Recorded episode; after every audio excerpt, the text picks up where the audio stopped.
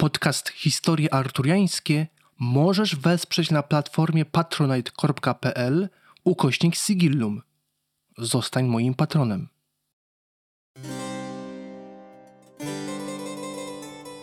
Historie Arturiańskie. Podcast Sigillum Authenticum.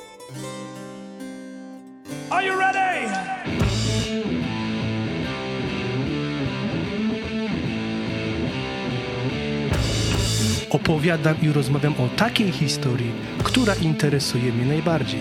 Zapraszam.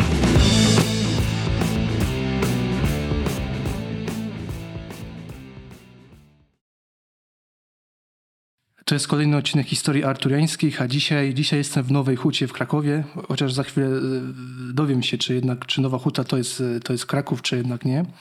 Ale jestem w Nowej Hucie, jestem dokładnie w Muzeum Nowej Huty, w oddziale Muzeum Krakowa, a ze mną jest Piotr Kapusta, którego już mieliście okazję poznać w innym odcinku. Witam cię serdecznie, Piotrze.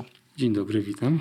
Tak, ostatnio rozmawialiśmy bardziej o twojej działalności, a dzisiaj już taki bardziej merytoryczny odcinek o Nowej Hucie.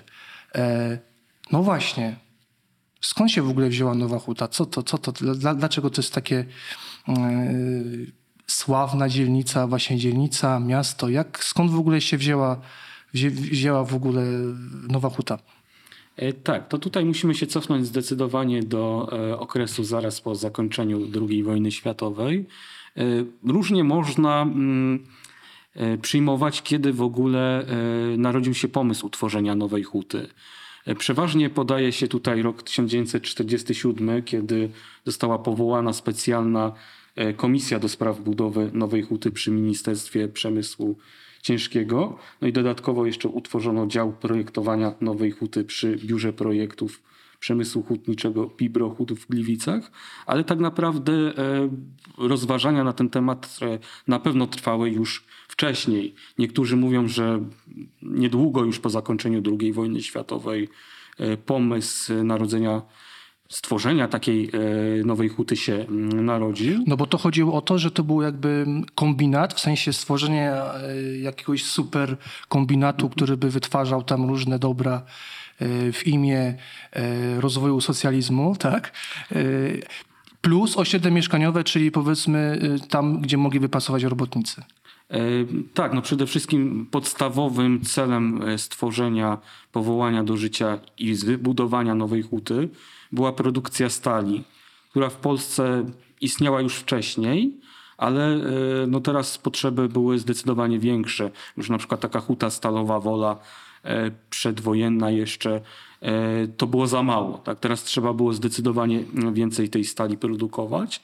Przede wszystkim, żeby odbudowywać kraj ze zniszczeń które no wiadomo w trakcie II wojny światowej następowały, no i które po jej zakończeniu były e, ogromne. I rzeczywiście oprócz samego kombinatu, który miałby wielokrotnie zwiększyć możliwości produkcji stali w Polsce, e, zakładano, że będzie też e, potrzebne e, potrzebna przestrzeń do zagospodarowania, gdzie e, będą mieszkali no, przyszli pracownicy tego kombinatu. Przy czym e, przez te kilka lat, czyli powiedzmy od 46-7 roku do roku 49, kiedy rozpoczęto faktycznie budowę nowej huty, te plany się troszeczkę zmieniały. W szczególności e, no, na początku w ogóle brano pod uwagę, że będziemy mogli tutaj sprowadzać rudę chociażby ze Szwecji. E, Potem w 1948 roku, kiedy podpisaliśmy no taką, takie porozumienie handlowe ze Związkiem Radzieckim, wiadomo było, że to już możliwe nie będzie, że, e, że te, te materiały trzeba będzie sprowadzać no właśnie ze Związku Radzieckiego. E, No i było bardzo dużo dyskusji na temat e, tego, gdzie w ogóle ta nowa huta się ma znajdować. Wcale początkowo nie brano pod uwagę tego miejsca, gdzie ona faktycznie została później zbudowana.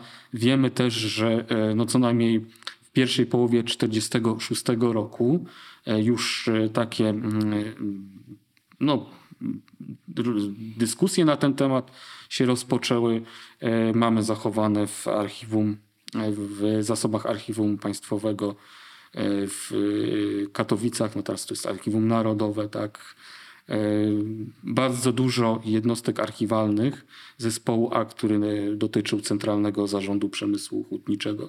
Była taka instytucja powołana jeszcze w lutym 1945 roku i, i właśnie ona, mm, na pewno ona już prowadziła mm, takie wstępne prace koncepcyjne nad e, budową nowej huty. Tak, no bo ja, ja słyszałem, że najpierw chciano gdzieś nad morzem stworzyć taki właśnie kombinat, ale uznano, że słona woda z Bałtyku się nie będzie nad- nadawała tam do tej produkcji stali. Wiem, że był pomysł, żeby to było w Gliwicach albo gdzieś tam pod Gliwicami, ale komuniści bali się, że to zaraz po wojnie nie wiadomo jak z tymi granicami jeszcze będzie, czy to będzie Polska, czy to nie będzie Polska. Y, Tarnobrzeg chyba też, właśnie te tereny Stalowej Woli też były brane pod uwagę, ale właśnie dlaczego Kraków? I tutaj jest, czy właściwie tereny pod Krakowem, tak? I tutaj właśnie jako, jako Krakus, y, właśnie, żebyśmy to może wyjaśnili, bo ja tutaj, mnie uczono tutaj y, paru rzeczy, w sensie no paru takich wersji, tak? Dlaczego, skąd się wzięła akurat nowa huta tu pod, pod Krakowem? No to właśnie jedna wersja mówiła o tym, że tutaj właśnie komuniści chcieli jakoś tak utrzeć nosa temu inteligenckiemu Krakowowi, który, prawda, no wiadomo, tutaj po wojnie, no zresztą nie jest to żadna, żadna tajemnica, że y, mało znane wydarzenia, tak, no nie wiem, czy kojarzysz y, 3 maja 46 roku, tak, jak, jak UB no strzelało do studentów, prawda, tutaj, później wybory, tak, znaczy słynne referendum, tak, I wybory później. Tak. i wybory później, tak? I słyszałem też, że, no, że trochę z przypadku, to znaczy miał podobno przyjechać jakiś ważny dygnitarz ze Związku Radzieckiego i po prostu wziął mapę i powiedział, że o, w tym miejscu wybudujecie nową hutę.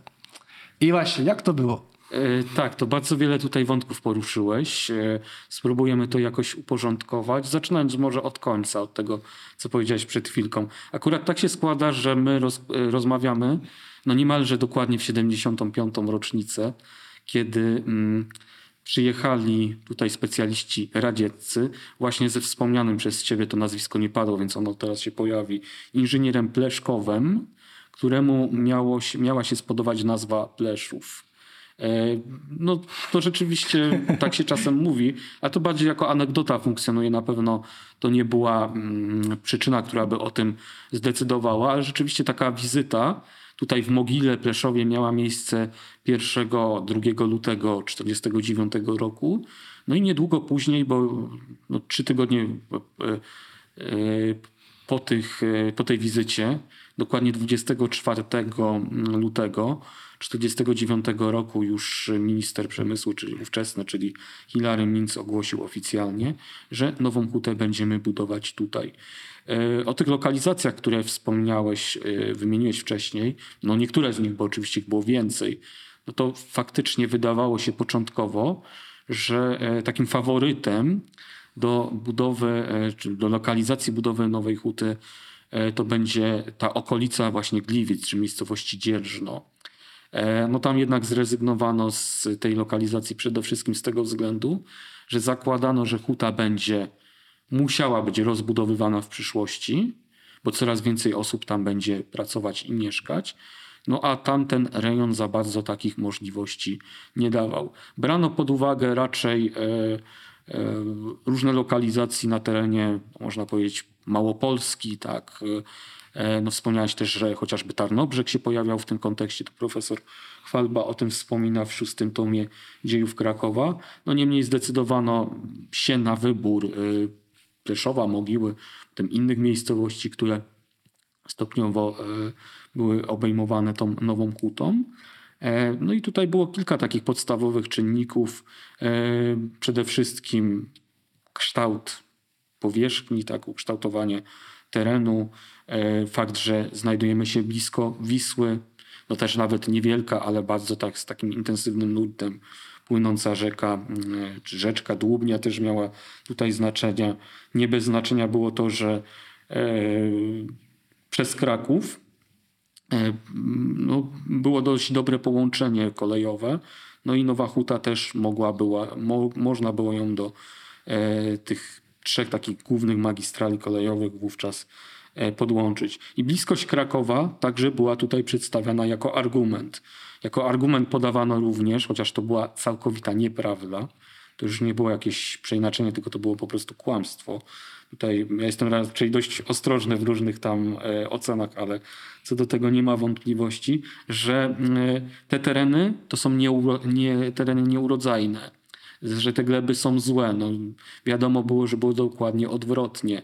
Właśnie o to też chciałem ciebie zapytać, bo ja też słyszałem, że nową hutę postawiono na bardzo dobrych e, rolniczych terenach i że to w sumie był błąd, no bo, no bo stawiać kombinat na żyznej glebie, tak, gdzie można produkować żywność chociażby, tak, czy, czy coś innego, no to że to był w ogóle, co to był za pomysł w ogóle? E, tak, no jeśli się poczyta, posłucha jakichś wspomnień pierwszych mieszkańców Nowej Huty, czy, czy, jej, czy też jej budowniczych, którzy opowiadają o latach 50., no to bardzo często pojawia się wątek tego, że e, kiedy spadł deszcz, to tutaj zaraz było błoto. I to takie błoto, że ciężko było, nie wiem, nawet e, przejeżdżać jakimiś pojazdami. No głównie to były wtedy wozy.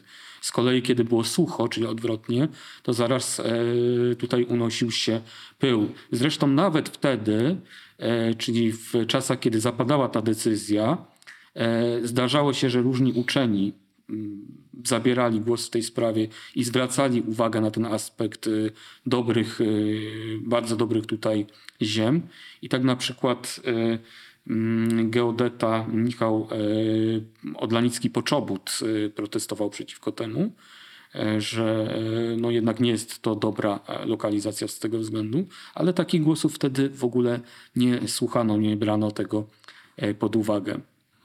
Wiesz co, bo ja jeszcze jedną teorię słyszałem, że jakby taką decyzją finalną, żeby postawić właśnie tutaj kombinat pod Krakowem, było to, że tu było zaplecze yy, intelektualne, ale w sensie akademickim, czyli AGH, inżynierowie i że to jednak zaważyło, że jednak ta kadra specjalistów będzie w przyszłości potrzebna. E, tak, to zdecydowanie też był jeden z czynników, który spowodował e, ostateczną decyzję o lokalizacji nowej huty tutaj. Akurat tak się składa, że w tym czasie, czyli powiedzmy pod koniec lat 40., właśnie Akademia Górnicza przekształciła się w Akademię Górniczo-Hutniczą. I faktycznie no, chociażby pierwszym dyrektorem kombinatu był związany z tą naszą krakowską uczelnią e, Jan Anioła, zresztą późniejszy rektor e, AGH. Tak, ale nim jeszcze przejdziemy, jak się w ogóle, jak w ogóle powstawała Nowa Huta, jakbyśmy mogli powiedzieć parę słów, co tu było przed Nową Hutą, tak? Bo dzisiaj, prawda, mówimy Miszczejowice, Bieńczyce, Płaszów, prawda, no ale to były kiedyś... Pleszów, Pleszów. Pleszów, to przepraszam, troszkę tak? To już, to już nie jest, no właśnie. Nie, nie, nie, nie to już Bo to też jest pytanie, gdzie gdzie dzisiaj przebiega ta granica tej Nowej Huty. Ale że no to są, to były tutaj po prostu wsie. E, Jak najbardziej. Jakbyśmy sobie popatrzyli na e, współczesny plan Krakowa i popatrzyli na obecną nową hutę, ja zresztą nawet to liczyłem niedawno do jednego ze swoich tekstów, który opublikowałem w roczniku Małopolska na temat, no wtedy akurat wspomnień e, byłych pracowników kombinatu e, dotyczących huty, no to mamy tutaj dokładnie 31 e, różnych miejscowości, bądź ich fragmentów, tak, no bo nie wszystkie dawne te wioski znajdują się w obrębie Nowej Huty, przy czym mówimy o hucie współczesnej, tak, czyli tej, która ma no, ponad 110 km kwadratowych powierzchni i która no, jest efektem różnych poszerzeń samej huty, w szczególności z roku 73 i 86. E, W 51 roku, kiedy Nowa Huta była przyłączona do Krakowa, no to wówczas było 12 e, miejscowości i trzeba powiedzieć, tak odpowiadając bardzo króciutko na to twoje pytanie, co tutaj było wcześniej. Tak, rzeczywiście tutaj były mm, e, różne wioski, które mm, w źródłach historycznych pojawiają się od końca XII wieku, to znaczy Krzesławice mamy wymienione 1198 roku, potem w XIII wieku pojawiają nam się na kartach historii chociażby takie miejscowości jak Ruszcza, jak Mogiła, jak Wadów, jak Branice, potem kolejne stulecie, no to chociażby Pleszów e, czy, czy Łuczanowice. E, Także od średniowiecza udokumentowana historia, natomiast osadnictwo sięgające tysięcy lat wstecz na wystawie o Bieńczycach, y, no już przed mniej więcej 10 laty, jeszcze w, kiedy nasze muzeum mieściło się na osiedlu słonecznym, no to tam kolega Maciej Miezian, który był kuratorem tej wystawy, pokazywał ze zbiorów Muzeum Archeologicznego taką z, e, no jakby sklejoną wazę z Bieńczyc, którą archeolodzy wydatowali no mniej więcej na, szóste, na połowę e, szóstego tysiąclecia przed Chrystusem.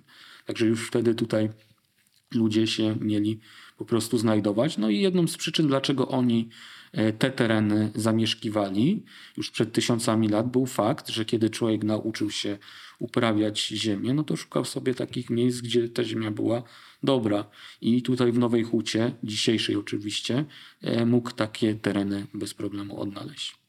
No dobrze, ale wiesz co, bo y, tak się zastanawiam, no bo dobra, jest decyzja o budowie nowej huty i teraz mam pytanie, czy były plany, że to będzie osobne miasto? No bo wspomniałeś już, że ono zostało y, w 49 jakby założone, tak, jeżeli tak możemy powiedzieć, ale dwa lata później przyłączone do Krakowa y, w sensie administracyjnym i formalnym. No i właśnie czy były plany, żeby to było osobne miasto, czy po prostu to było w planach komunistów, tak, że to, y, że, że to będzie część Krakowa? E, Początkowo to miało być osobne miasto i tak się o Nowej Hucie mówiło. E, Przed tym co, połączeniem... pan- wydaje mi się, że to dzisiaj się mówi, że to jest... E, To jest inna kwestia, ale to jest dosyć ciekawe, że nawet już po tym formalnym włączeniu Nowej Huty do Krakowa, jeszcze nie wiem, w 50 na przykład trzecim chyba czy czwartym roku pojawiają się chociażby artykuły w prasie, które Nową Hutę dalej określają mianem miasta.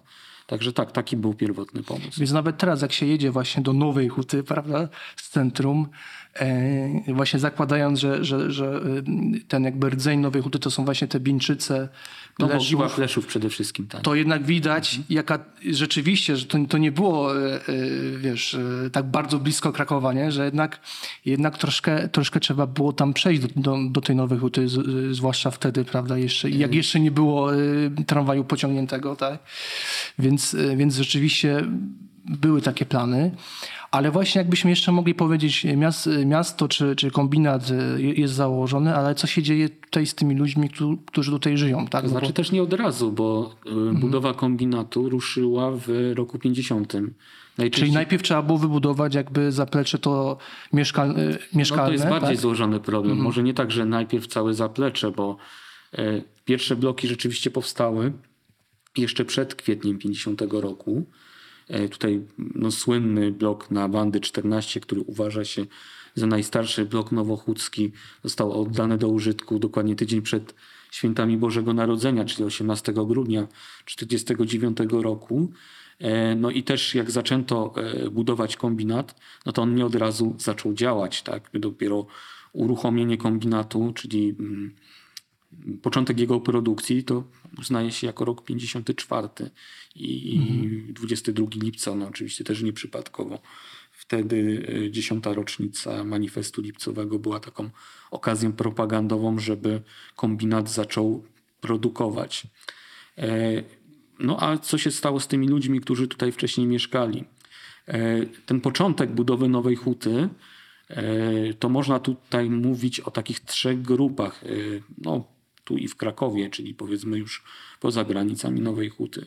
Pierwszą z nich to byli ludzie, którzy No właśnie, mieszkali tutaj wcześniej. Oni byli czasami nazywani mogilakami od e, nazwy miejscowości Mogiła, chociaż to określenie chyba nie dotyczyło tylko ich, ale także mieszkańców innych miejscowości. Drugą grupą no to byli ci ludzie przyjeżdżający z bardzo różnych regionów Polski oraz w ogóle spoza granic, no bo mało o tym dzisiaj pamiętamy, ale chociażby mieliśmy tutaj e, Greków, a nawet Macedończyków, którzy przyjeżdżali w e, pierwszych latach powstawania e, Nowej Huty. No i trzecia grupa, to już może nie samej Hucie, ale troszkę dalej, czyli mieszkańcy Krakowa. I e, na tych trzech płaszczyznach dochodziło do przeróżnych kontaktów, no czasem wręcz konfliktów i to nie ma co tego ukrywać. Zdarzało się na przykład, że ci mogilacy, czyli ci mieszkańcy huty sprzed, e, tych terenów sprzed 49 roku, no wiadomo, jeśli byli wywłaszczani, no to nie byli z tego zadowoleni, no bo to jest dość naturalne. A dostawali jakieś e, odszkodowanie? Dostawali odszkodowania, ale to były bardzo niewielkie kwoty. Tutaj profesor Kwalba w, e, szóstych, w szóstym tomie dziejów Krakowa podaje, że to były wielkości rzędu tam 47-98 groszy za metr, czy e, kwadratowy swojego mm, mieszkania. Oczywiście to nie są, nie, nie można tego przekładać na dzisiejsze pieniądze, ale to były bardzo symboliczne odszkodowania, chociaż e, trzeba pamiętać, że też ci ludzie, czasem się tak myśli, że oni się stawali bezdomnymi przez to, ale tak też nie było, ponieważ później e, no, dostawali przydział w e, tych blokach, które były mm, budowane tak już przez robotników. Tak, czyli to była też taka trochę można powiedzieć e, transakcja bartelowa, tak? Czyli wy towarzysze dajecie ziemię, ale dostaniecie później mieszkanie. No, to znaczy nie, tak naprawdę nie tyle dajecie, bo tutaj nikt ich za bardzo o zdanie nie pytał i, i, No tak. i to było no, przymusowe. Tutaj już od kwietnia 1949 roku, czyli jeszcze przed rozpoczęciem budowy y, tego typu przedsięwzięcia, czyli właśnie wywłaszczanie e, zaczynały mieć miejsce. No i ci chłopi e, miejscowi próbowali jak tylko mogli, no czasami dochodziło do bardzo dramatycznych wręcz scen, opóźniać te prace. Czyli na przykład sabotować je. Co za dnia zrobiono, to oni w nocy próbowali usuwać, czy na przykład zasypywać jakieś rowy, które zostały wykopane, e, usuwać jakieś paliki, słupy, które za dnia, które za dnia były zainstalowane przez robotników. No były takie sceny też, e, że na przykład e, już takie najbardziej dramatyczne, że przychodzili tutaj ci ludzie z jakimiś malutkimi dziećmi, nie wiem, no, no, niemowlakami albo, albo dwulatkami, oni kładli je przed jakiś spychacz, no i tam zaczęli krzyczeć, że zabierasz ojcowiznę, no to zabierz też to, e, to nowe życie. Dochodziło do walk wręcz czasami. E, Są takie wspomnienia, że ci miejscowi używali tego, co mieli pod ręką, czyli jakichś kamieni, albo nie wiem, kos, albo wideł do przepędzania tych e, młodych robotników. No i zdarzały się pobicia, zdarzały się, niektórzy twierdzą, że nawet przypadki śmiertelne, że tutaj ludzie e, po prostu ginęli w wyniku takich zajść. No a sami robotnicy, ci młodzi, bo to przede wszystkim byli młodzi ludzie, no też e, czasami e, dopuszczali się różnych takich no, po prostu niezgodnych z prawem czynności. No i mam tutaj parę takich cytatów przygotowanych dotyczących tego pierwszego okresu e, powstawania Nowej Huty. No, zdarzył się na przykład kiedyś przypadek, że w 1951 roku, że jakimś tam junakom potrącono część wynagrodzenia za to, że pojechali do Krakowa, czy nawet nie tutaj, tylko pojechali e, do miasta. E, No i tam, no powiedzmy, jakiś zły czyn popełnili, tak? To nie będziemy może, przepraszam, nie będziemy może tego rozwijać, chociaż tutaj mam, e, to jest, mogę zacytować, za co ta kara była przyznana, za, i tutaj cytat, niemoralne prowadzenie się, pijaństwo i wywoływanie awantur na ulicach Krakowa. E, Także tego typu e, sytuacje się zdarzały. I jeszcze tylko przeczytam tutaj, e, oddam głos takiemu panu, który e, mieszkał na tych terenach, gdzie budowano nową hutę. E, Urodzony w 1937 roku, czyli kiedy budowa ruszała, mia- miał lat 12. Tak potem wspominał mm, e, tamten okres i mówi tak, tu znowu cytat, ale psychicznie źle się myślało o tej hucie. Źle ze względu na straszliwy luz młodzieży, straszliwą demoralizację. Wraz z budową nowej huty rozpanoszył się bezgranicznie rozkład moralny, no i strach przed rozbojami junaków służby Polsce. Rzeczywiście psocili, bardzo dużo było pobić, napadów. Kradli, wszystko kradli. Pamiętam, jesienią kanał tutaj budowali, zasypywano rzeczkę, piękną rzeczkę z czterema mły- młynami. Myśmy się zawsze pluskali w tej wodzie, staw niedaleko żabki rechotały. Ta rzeczka to była radość. A później te dymy. Osuszono, e, osuszono ziemię, do nas służba Polsce to do sadów biały dzień przyszła. Trzeba było się w domu zamknąć, bo by wszystkich pobili.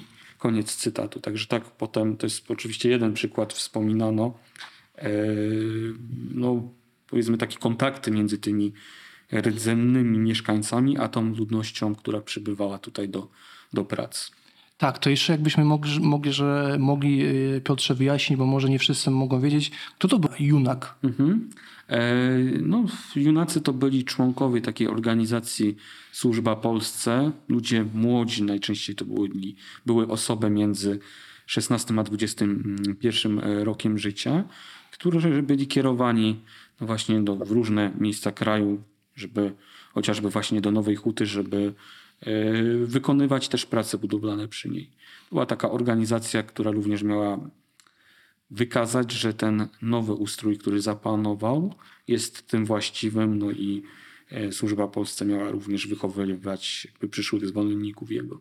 Tak, właśnie wspomniałeś też, że o tych problemach społecznych, tak, demoralizacji, no ale też w takiej propagandzie właśnie PRL-u, no to to miało być to takie wzorcowe miasto socjalistyczne bez Boga, tak, takie słynne hasło miasto bez, bez Boga i właśnie e, jak to wyglądało, to znaczy, e, bo wydaje mi się, że Nowa Huta jest chyba z tego znana, czy może przynajmniej mi się kojarzy z tego, że, że to była jedna wielka e, walka o kościół, tak? Żeby tu wybudować kościół.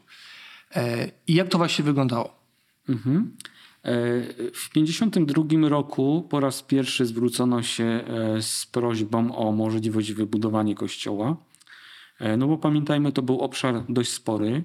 Tutaj te, też nie było tak, że kościołów nie było zupełnie, no bo przecież mieliśmy chociażby dwa kościoły przy ulicy Klasztornej w Mogile. E, Mamy kościół w Ruszczy, ten obecny z XV wieku. Wiemy, że na miejscu e, starszego. No, ale- Tutaj ten w, w Czyżynach? E, E, W Czyżynach to jest e, kościół, no tak, no on też był oczywiście wcześniej, bo Tylko pytanie, czy Czyżyny to, to jest Nowa Huta w ogóle? e, no Czyżyny to jest oczywiście Nowa Huta, ale to już jest kościół z okresu międzywojennego z lat 30., chociaż no oczywiście też można wspomnieć, że można było z niego korzystać w tamtych czasach, kiedy e, huta była budowana, bo on zwyczajnie istniał.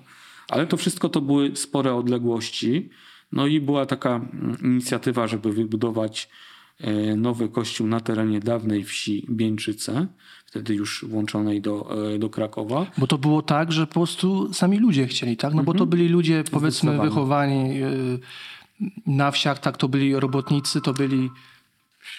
Tak, mieliśmy właśnie, to jest potem ważny, ważny telefon do odebrania. Ale właśnie wracając, ale właśnie wracając do naszej rozmowy, to byli ludzie prości, znaczy no prości, no po prostu wychowani w tradycji katolickiej, y, bardzo często ze wsi, prawda, robotnicy, chłopi, no, którzy chcieli, prawda, co niedziela, tak, no mieć to, mieć kościół, e, móc e, właśnie mm, uczestniczyć w tym ży- w życiu właśnie religijnym. Mm, No i to jest, wydaje mi się, też ważne, że to ludzie właśnie chcieli. Y, I w 1956 roku, kiedy zmieniły się władze, no to zmieniła się też troszkę sytuacja. Y, Wcześniej te pisma pozostawały bez odpowiedzi, y, które były kierowane o no, jakby zainicjowanie budowy kościoła w przyszłości.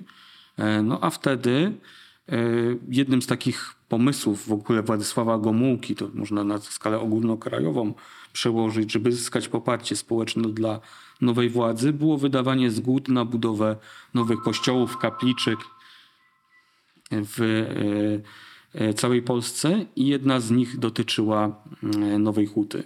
I faktycznie w 1957 roku powstaje nawet specjalny komitet budowy kościoła.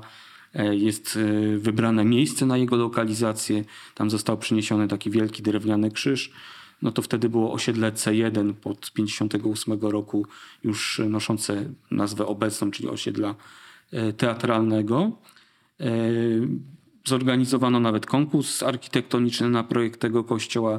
Wydawało się, że on w najbliższych latach e, będzie zbudowany, ale w 60 roku, kiedy ta władza już troszeczkę jakby okrzepła, zaczęła się wycofywać z niektórych wcześniej wydanych zgód. No i taki przypadek mieliśmy też w Nowej Hucie. E, W 60 roku e, ksiądz Mieczysław Satora ogłosił, że dostał taki nakaz likwidacji krzyża. E, No i termin był bardzo krótki, bo on mówił o tym 24 kwietnia, a termin mijał dwa dni później, czyli we wtorek 26 kwietnia. No było wiadomo, że zamiast kościoła w tej okolicy ma stanąć szkoła, zgodnie z hasłem ówczesnym Tysiąc Szkół na Tysiąclecie. E, No to jeden z, jeden z takich większych sukcesów e, mm, z tamtych lat, no bo faktycznie do 66 roku powstało mm, wiele, ponad tysiąc nawet szkół w całej Polsce. E, No i w tym także szkoła podstawowa, która do dziś funkcjonuje na osiedlu teatralnym.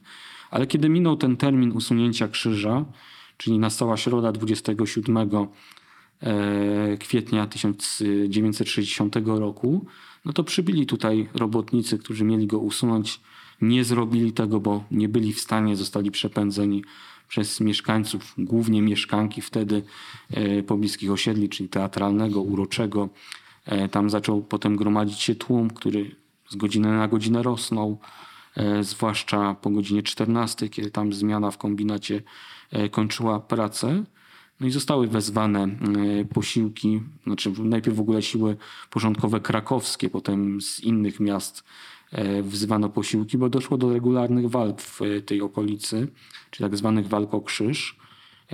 Niektórzy mówili, że czy porównywali to wydarzenie w ogóle z zajściami poznańskimi w roku 56. E, Mówiono, że w Nowej Hucie wybucha, wybuchła właśnie rewolucja.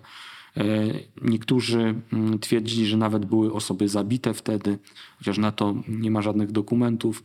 E, Kościoła wówczas nie zbudowano, trzeba było jeszcze na kilka lat w ogóle o tej sprawie zapomnieć. W połowie lat 60. ponownie wydano zgodę na budowę kościoła w Nowej Hucie, tyle że już w innym miejscu, trochę dalej, e, za, poza obrębem Starej Nowej Huty, e, czyli przy dzisiejszej ulicy Obrońców Krzyża. No, oczywiście e, mówimy o kościele Matki Boskiej Królowej Polski, zwanej potocznie Arką Pana, którą po 10 latach budowy w 77 roku konsekrował Karol Wojtyła, który kilkanaście miesięcy później został papieżem.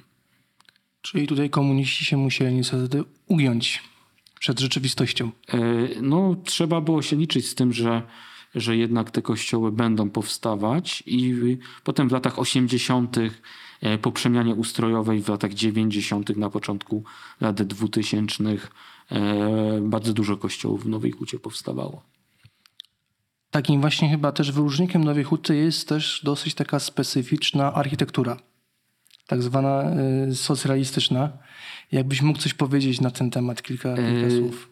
Tak, no Nowa Huta w ogóle pod względem e, architektonicznym jest bardzo ciekawym przypadkiem i to nawet nie mówimy o całej Nowej Hucie, tylko o, e, no nazwijmy ją właśnie tą starą Nową Hutą, tej najstarszej części, która była budowana w, e, według projektów Tadeusza Ptaszyckiego. E, Możemy tutaj zaobserwować w ogóle nawet jeszcze bloki projektowane według e, projektów przedwojennych, czyli Franciszka Adamskiego. E, No do dziś możemy je oglądać na ulicy, e, czy, czy może na osiedlu Wandy albo e, Willowym, tam tego typu budownictwo mamy. Potem e, możemy się spotkać z takimi doskonałymi przykładami architektury socrealistycznej, wręcz podręcznikowymi. Jak ktoś nie ma na jakichś kursach historię sztuki, dochodząc do socrealizmu, zawsze nową kutę się wymienia. E, No i tu świetnym przykładem jest e, plac centralny, jego zabudowa, e, Aleja Róż, która z niego wychodzi, budownictwo, które charakteryzowało się dużą ilością e, ornamentów. No i fakt, także faktem, że nawiązywało w swojej e, bryle do renesansu, do baroku, czy powiedzmy do tych czasów, kiedy e, w Polską rządzili Jagiellonowie, pierwsi królowie elekcyjni, e, czasów, kiedy Polska, no tak się to ocenia, zwłaszcza wiek XVI, bo XVII to już chyba jednak trochę mniej ze względu na liczne wojny, e, takiego szczytu potęgi w ogóle w naszej historii. Tutaj było też przesłanie odpowiednie, że tak jak e, kiedyś, te kilkaset lat temu Polska była krajem e, silnym, tak teraz pod nowym e, rządem również ona takim krajem się stanie, że będziemy ten socjalizm budować. No i wreszcie e, po 56 roku architektura też się zmienia. Ta zmiana polityczna miała wpływ na wiele dziedzin życia, na architekturę również i w Nowej Hucie nastaje nam, czy w ogóle w Polsce nastaje nam nowy styl modernizm, który różni się tym od e, poprzedniego stylu, że teraz już nie ma ornamentów. Teraz budujemy o wiele szybciej, taniej też, to nie było bez znaczenia. E, No i te mm, budynki modernistyczne, jak blok szwedzki chociażby przy, e, na osiedlu Szklane Domy, charakteryzują się również dużą ilością chociażby okien, tak dużo światła naturalnego wpadało do, e, do tych domów. A jeszcze jak przejdziemy sobie znów na plac centralny, to nie ruszając się z tego miejsca możemy zobaczyć przykłady budownictwa późniejszego, no bo chociażby gmach Nowochódzkiego Centrum Kultury był budowany na przełomie lat 70. i 80., a dodatkowo mamy całe osiedle Centrum E, e, czy może właśnie nie całe, fragment osiedla Centrum E, które mm, było budowane już na przełomie lat 80., 90. w stylu, którym nazywamy postmodernizmem i które były projektowane e, przez e, architekta Romualda Leglera w sierpniu 2023 roku. Nasze muzeum zorganizowało spacer z tym architektem, który oprowadzał po e, osiedlu, którego fragment projektował, no i opowiadał o tym, jak to wszystko powstawało. No dobrze, Piotrze, ale tak już trochę zmierzając do, do końca, tak się właśnie zastanawiam, e, no bo jesteśmy w Muzeum e, Nowej Huty. No to jest tak naprawdę historia PRL-u też, tak? Wpisana w, to, w, tą, e, w tą dzielnicę, tak? No i ktoś może powiedzieć, no ale czym tu się chwalić, tak? No to to PRL, tak? No to, to jakiś właśnie socrealizm, tak? Słynny pomnik Lenina na e, e, Alei Róż, prawda? No i czym tu się chwalić? To, no to, to się ra, raczej to nie jest jakaś tam super chwalebna historia, tak, żeby o tym, nie wiem, pisać, żeby, tak, żeby w ogóle się tym chwalić, tak? Tak by się mogło wydawać, zwłaszcza po tym okresie, powiedzmy, po upadku komunizmu. No i co wy wtedy takim osobom od, odpowiadacie? E, Po pierwsze, no chociażby te budynki soc- socrealistyczne, które tutaj były przywoływane, one są e, tak modelowym przykładem tego stylu, bardzo krótkiego w Polsce, że są interesujące nie tylko dla polskich turystów, ale także dla ludzi z zagranicy, którzy przyjeżdżają tutaj i chcą to zobaczyć. Po drugie, mm, jeśli ktoś już ma e, no nie wiem, jakieś uprzedzenia do mm, okresu powojennego, to tak jak również wspominaliśmy wcześniej, można tutaj oglądać przykłady różnych zabytków starszych niż Nowa Huta. I to zdecydowanie e, no najstarszym zabytkiem nieruchomym na terenie Nowej Huty jest kopiec Wandy, który nie wiemy dokładnie kiedy powstał, ale przyjmuje się, że najczęściej, że to był siódmy albo raczej ósmy wiek, chociaż są tacy, którzy twierdzą, że on może być nawet kilka wieków starszych. Także mamy mnóstwo przykładów takiej też oferty turystycznej, która prowadzi przez zabytki sprzed 1949 roku. Mamy mnóstwo kościołów, znaczy może nie mnóstwo, ale kilka kościołów, e, których, e, z których część tutaj wymieniłem.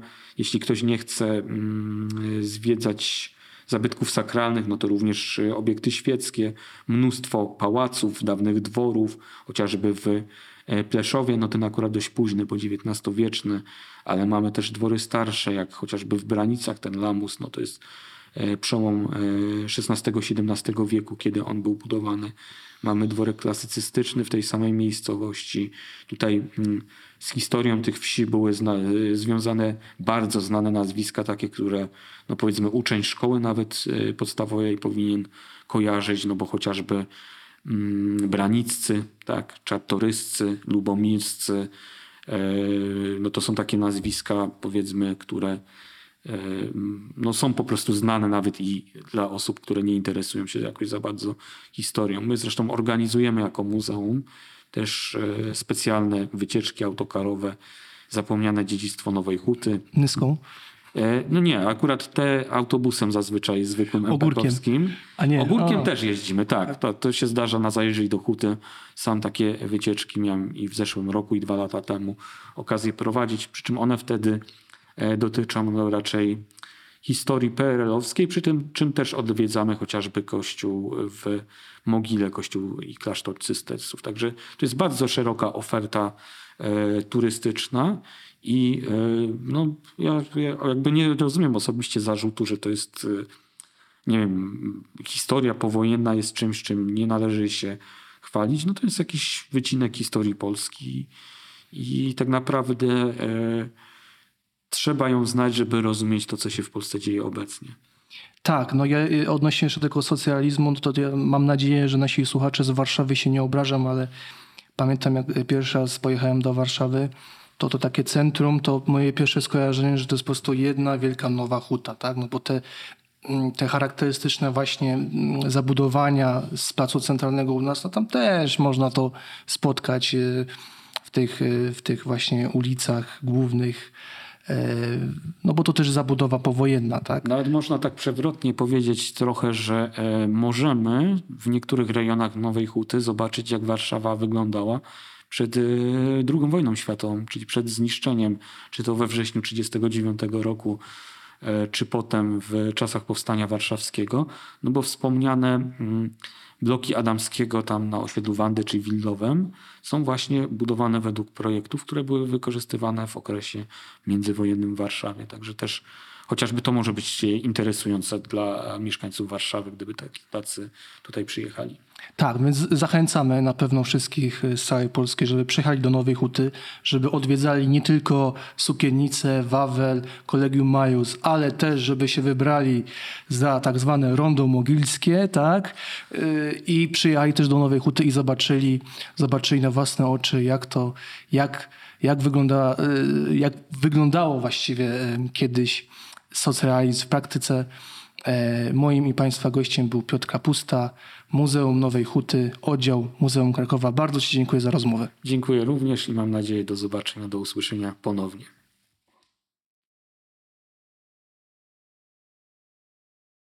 Jeśli spodobał Ci się ten odcinek, koniecznie zasubskrybuj podcast.